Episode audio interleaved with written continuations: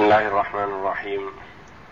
الحمد لله رب العالمين والصلاة والسلام على نبينا محمد وعلى آله وصحبه أجمعين وبعد. أعوذ بالله من الشيطان الرجيم. قال يا موسى اني اصطفيتك على الناس برسالاتي وبكلامي فخذ ما آتيتك وكن من الشاكرين. وكتبنا له في الألواح من كل شيء موعظة وتفصيلا لكل شيء فخذها بقوة وأمر قومك ياخذوا بأحسنها. سأريكم دار الفاسقين. يقول الله جل وعلا قال يا موسى اني اصطفيتك على الناس برسالاتي وبكلامي فخذ ما آتيتك وكن من الشاكرين. حينما طلب موسى عليه الصلاة والسلام من ربه تبارك وتعالى أن ينظر إليه. أخبره جل وعلا بأنه لا يستطيع النظر إليه. لا يستطيع النظر إليه في الدنيا. قال جل وعلا لن تراني ولكن انظر إلى الجبل فإن استقر مكانه فسوف تراني. فلما تجلى ربه للجبل ظهر جل وعلا وأبدى شيئا منه للجبل صار الجبل دكا أي ترابا أو ساخ في الأرض. هيبة وإجلالا لله وعدم استطاعة للصمود حينما ظهر وبان له ربه جل وعلا. فعند ذلك صعق موسى وعرف أنه لا يستطيع الرؤية الله جل وعلا في الدنيا. ثم إن الله جل وعلا لما رد طلبه هذا طيب خاطره وأدخل السرور على نفسه فقال له جل وعلا وقال يا موسى إني اصطفيتك بمعنى اخترتك وفضلتك وميزتك على الناس برسالاتي وبكلامي. فإنه رسول ومن أفضل الرسل ومن أولي العزم من الرسل عليهم الصلاة والسلام. وقد ميزه الله جل وعلا بأن كلمه. وكانت الرسل يرسل الله جل وعلا إليهم الملك. يكلم الله الملك بما شاء ثم يأتي الملك ويبلغ الرسول. وموسى عليه الصلاة والسلام كلمه الله جل وعلا كلاما يسمعه. سمع كلام الله حقيقة. فقد اصطفاه الله واختاره بهذا. قال يا موسى إني اصطفيتك بمعنى اخترتك وميزتك وفضلتك.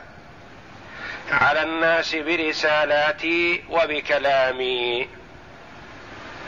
فقد ميز الله موسى عليه الصلاة والسلام بالرسالة والكلام. وهنا إشكال. قد يورده البعض.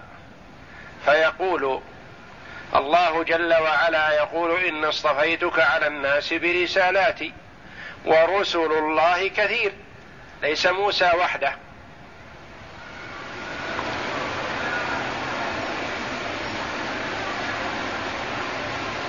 إذا ما المراد بهذا الاصطفاء؟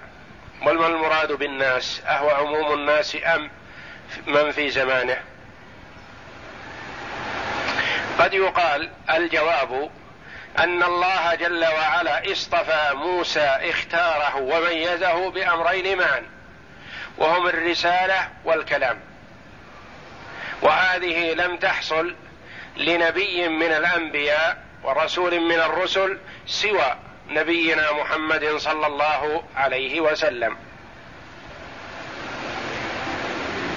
فيقال الاصطفاء والتمييز بالجمع بين بين الأمرين بين الرسالة وبين المكالمة.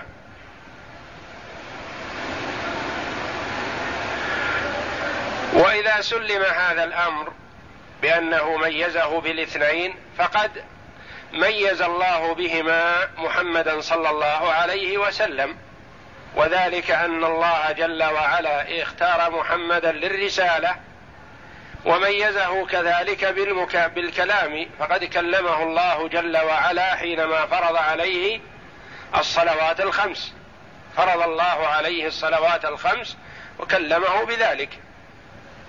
اذا لعل المراد والله جل وعلا أعلم أنه ميزه على الناس أي عالم ناس في زمانه. ولا يمتنع هذا أن يأتي بعده من هو أفضل منه الذي هو محمد صلى الله عليه وسلم فهو سيد ولد آدم عليه الصلاة والسلام. اصطفيتك على الناس برسالاتي وبكلامي فخذ ما آتيتك. ما آتيتك؟ يعني ما أعطيتك وما أنزلت عليك من الوحي الذي هو التوراة. التوراة تكلم الله جل وعلا بها وكتب الألواح بيده جل وعلا. فهو جل وعلا خلق جنة عدن بيده وكتب الألواح التي أنزلها على موسى عليه الصلاة والسلام بيده. فخذ ما آتيتك من التوراة فخذها بقوة. فخذ ما آتيتك وكن من الشاكرين. اشكر نعمة الله عليك. ولا تطمع نفسك إلى ما لا يمكنك الحصول عليه في الدنيا. من الرؤية. فاقنع بما أعطيت فقد أعطيت خيرا كثيرا فاشكر ربك عليه. فخذ ما آتيتك ب...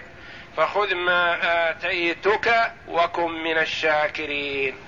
أي خذ ما أعطيتك وما أنزلته عليك من الوحي وكن من الشاكرين لنعمة الله. والله جل وعلا يزيد النعم بالشكر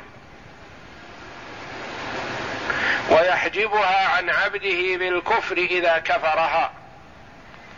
يقول جل وعلا وإذ تأذن ربكم لئن شكرتم لأزيدنكم ولئن كفرتم إن عذابي لشديد. وكن من الشاكرين وكتبنا له في الألواح من كل شيء. وكتبنا له في الألواح الذي التي هي مكتوب فيها التوراة. والألواح هذه ألواح كتب الله جل وعلا بها التوراة. وهي أهي من خشب من سدر الجنة طول اللوح الواحد عشرة أذرع. أم من زبرجد أم من ياقوت أم من زمرد. قيل هذه الأقوال. أهي من حجر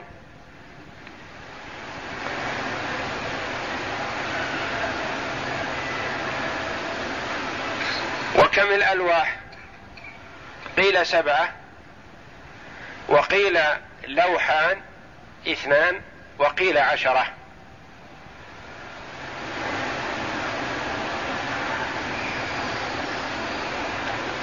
وكتبنا له في الألواح من كل شيء.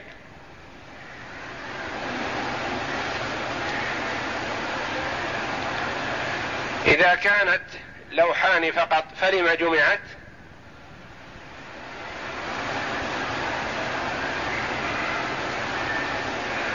يطلق العرب كثيرا على الاثنين لفظ الجمع. يأتي هذا في اللسان العربي. يطلق على الاثنين لفظ الجمع. وقيل هي سبعة وقيل عشرة. وكتبنا له في الألواح من كل شيء موعظة وتفصيلا لكل شيء.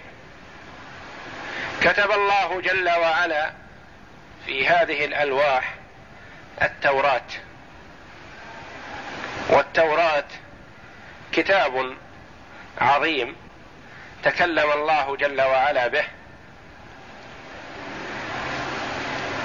وهو عدد من الأجزاء ولا يستغرق المرء قراءته أو قراءة جزء منه في سنة. وقيل إنه لم يحفظ التوراة عن ظهر قلب سوى أربعة. منهم موسى عليه الصلاة والسلام وعيسى بن مريم وعزير الذين جمعوا التوراة أربعة. والرابع أظنه يوشع ابن نون والله أعلم.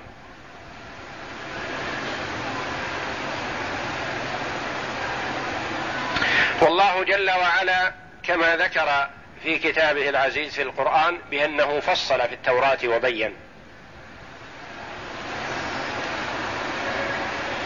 من كل شيء موعظة. فيها المواعظ. والمواعظ هي التي ترقق القلوب وتلينها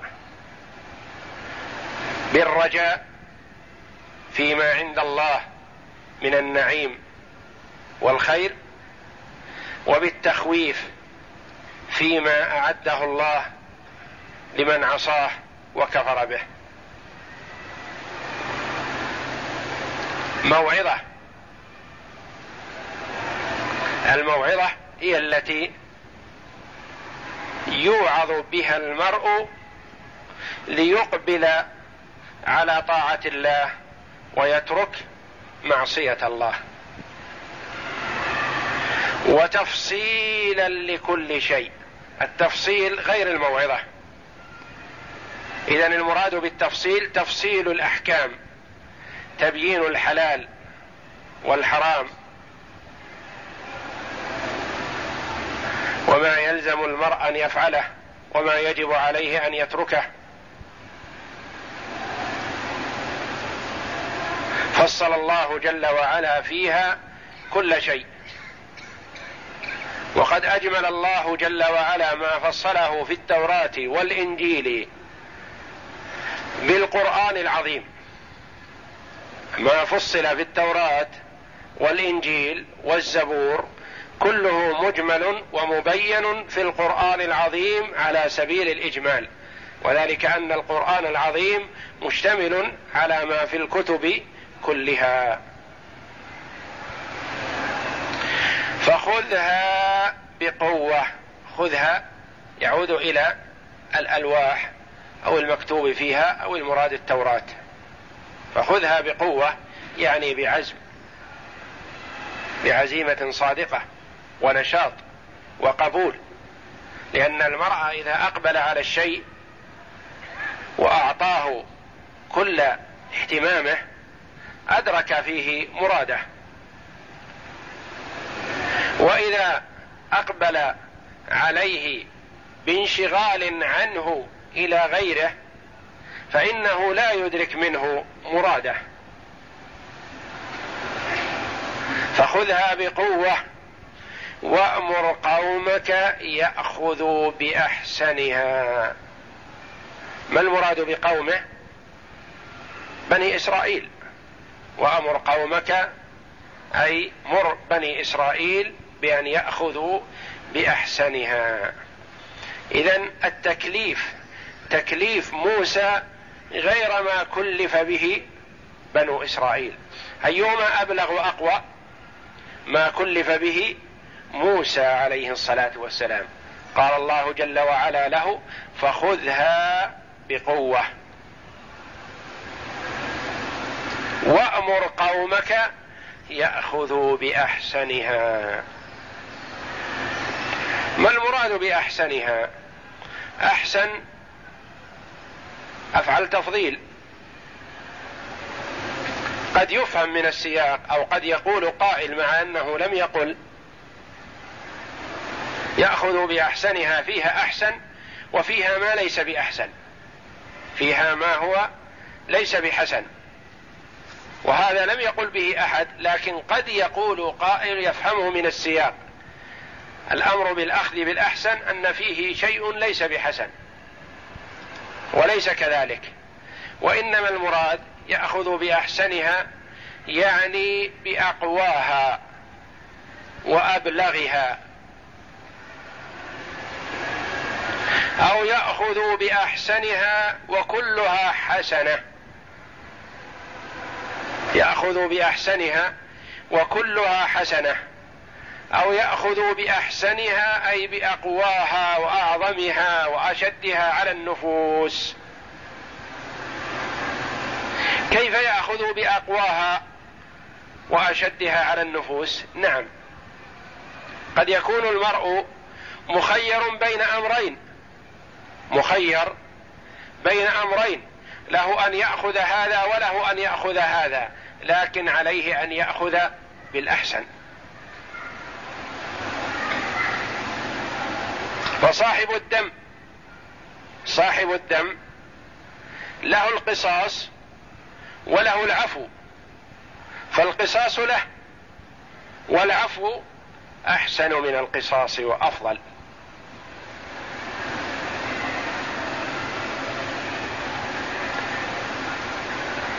الانتصار ممن ظلمك.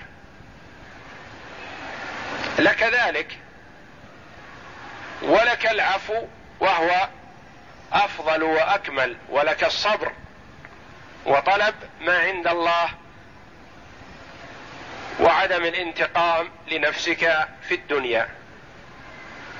فالله جل وعلا أمر موسى عليه الصلاة والسلام أن يأمر بني إسرائيل بأن يأخذوا بالأقوى والأكمل. ولا يتتبع الرخص أو يتتبع الأسهل وإنما يأخذ بالأقوى الذي هو الأحسن في حقهم بالنسبة للثواب. فثوابهم عليه أحسن من ثوابهم على الرخص وما هو أشفى لصدورهم. فالمرء إذا أخذ بالقصاص له ذلك وقد اشتفى من خصمه. لكن إذا عفا وتجاوز وكظم غيظه وطلب ما عند الله فهو أكمل وأطيب.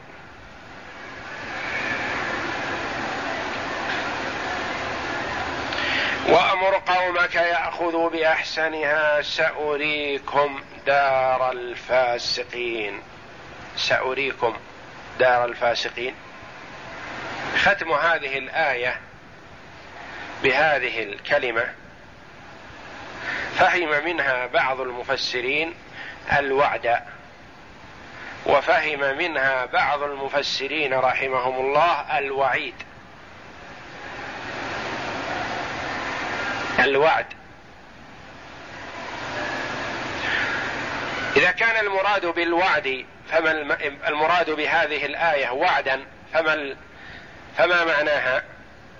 سأريكم دار الفاسقين سأطلعكم على ديار من عصاني في الدنيا. كيف انتقمت منهم؟ وأهلكتهم وأورثتكم بلادهم. قال بهذا بعض المفسرين والمراد بالفاسقين الفاسقين الذين بالشام وعد الله بني إسرائيل بأنه سيطلعهم ويعطيهم أماكن من عصاه. سأريكم سأطلعكم. واريكم إياها دار الفاسقين الذين عصوا أمر الله. وقيل المراد بالفاسقين قوم فرعون. فرعون ومن معه. يعني سأطلعكم على ديارهم وأريكم إياها. كيف تركوها لكم؟ هذا قول. والقول الآخر ولعله الأقرب والله أعلم أن المراد الوعيد. سأريكم دار الفاسقين. هذا وعيد شديد. لمن عصى الله ولمن لم يرفع بأمر الله رأسا ولم يتبع هدى الله. فإن الله جل وعلا سينتقم منه في الدار الآخرة في جهنم.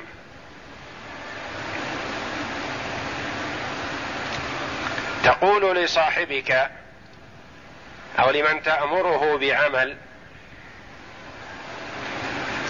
اعمل كذا وكذا وسأريك عقوبة من خالف أمري. يعني إن لم تعمل ستكن مثلهم. ساطلع ريك عقوبة من خالف ففي هذا وعيد.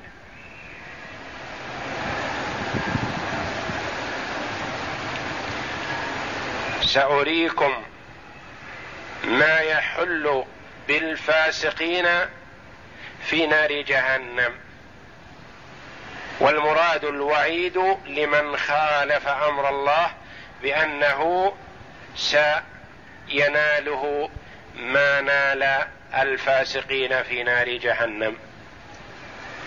سأريكم دار الفاسقين والمراد بالدار أي المآل الذي يؤول إليه الفاسقون في نار جهنم. أعوذ بالله من الشيطان الرجيم. قال يا موسى إني اصطفيتك على الناس برسالاتي وبكلامي فخذ ما آتيتك وكن من الشاكرين. وكتبنا له في الألواح من كل شيء موعظة وتفصيلا لكل شيء. فخذها بقوة وأمر قومك يأخذوا بأحسنها. سأريكم دار الفاسقين. قال العماد بن كثير رحمه الله تعالى يذكر الله تعالى أنه خاطب موسى بأنه اصطفاه على أهل الأرض. على على أهل زمانه برسالاته تعالى هذا اختيار ابن كثير رحمه الله.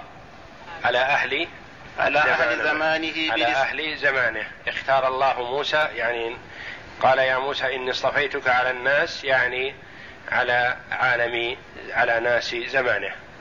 لأنه اصطفاه على أهل زمانه برسالاته تعالى وبكلامه. ولا شك أن محمدا صلى الله عليه وسلم سيد ولد آدم من الأولين والآخرين. ولهذا اختصه تعالى اختصه الله تعالى بأن جعله خاتم الأنبياء والمرسلين الذين تستم تستمر شريعة الذي تستمر. الذي تستمر شريعة شريعته إلى يوم إلى قيام الساعة. وأتباعه أكثر من أتباع سائر الأنبياء والمرسلين كلهم وبعده. وبعده في الشرف والفضل إبراهيم عليه الصلاة والسلام ثم موسى بن عمران كليم الرحمن. عليه السلام ولهذا قال تعالى له فخذ ما آتيتك من الكلام والنجاة والمناجات ولهذا قال تعالى له فخذ ما آتيتك من الكلام والمناجات وكن من الشاكرين على أي على ذلك ولا تطلب ما لا طاقة لك به. ثم أخبر تعالى أنه كتب له في الألواح من كل شيء موعظة وتفصيلا لكل شيء. قيل كانت الألواح من جوهر وأن الله تعالى كتب له فيها مواعظ وأحكاما مفصلة مبينة للحلال والحرام. وكانت هذه الألواح مشتملة على التوراة التي قال تعالى ولقد آت التي قال الله تعالى ولقد آتينا موسى الكتاب من بعد ما أهلكنا القرون الأولى بصائر للناس. وقيل الألواح أعطيها موسى قبل التوراة فالله أعلم. وعلى كل تقدير فكانت كالتعويض له عما سأل من الرؤية ومنع منه والله أعلم. وقوله فخذها بقوة أي بعزم على الطاعة. وأمر قومك يأخذوا بأحسنها. قال سفيان بن عيينة حدثنا أبو سعد عن إكرمة عن ابن عباس قال أمر موسى عليه السلام أن يأخذ بأشد ما أمر, قو ما أمر قومه. وقوله سأريكم دار الفاسقين أي سترون عاقبة ما ما خالف أمري. من خالف أي سترون من خالف عاقبة من خالف أمري؟ وخرج عن تاءتي كيف يسير إلى الهلاك والدمار والتباب؟ قال ابن جرير وإنما قال سأريكم دار الفاسقين كما يقول القائل لمن يخاطبه سأريك غدا إلى ما يسير إليه حال من خالف أمري على وجه التهديد. والوعيد لمن عصاه وخالف أمره. ثم نقل معنى ذلك عن مجاهد والحسن البصري وقيل معناه سأريكم دار الفاسقين أي من أهل الشام وأوتيكم إياها. يعني على هذا تكون وعدا وعلى الأول تكون وعيدا. وقيل منازل قوم فرعون والأول أولى والله أعلم لأن هذا والوعيد أولى من السياق في سياق الوعيد. لأن هذا كان بعد انفصال موسى وقومه من بلاد مصر. كان بعد انفصال موسى وقومه. لأن هذا كان بعد انفصال موسى وقومه عن بلاد مصر وهو خطاب لبني إسرائيل قبل دخولهم التيه والله أعلم.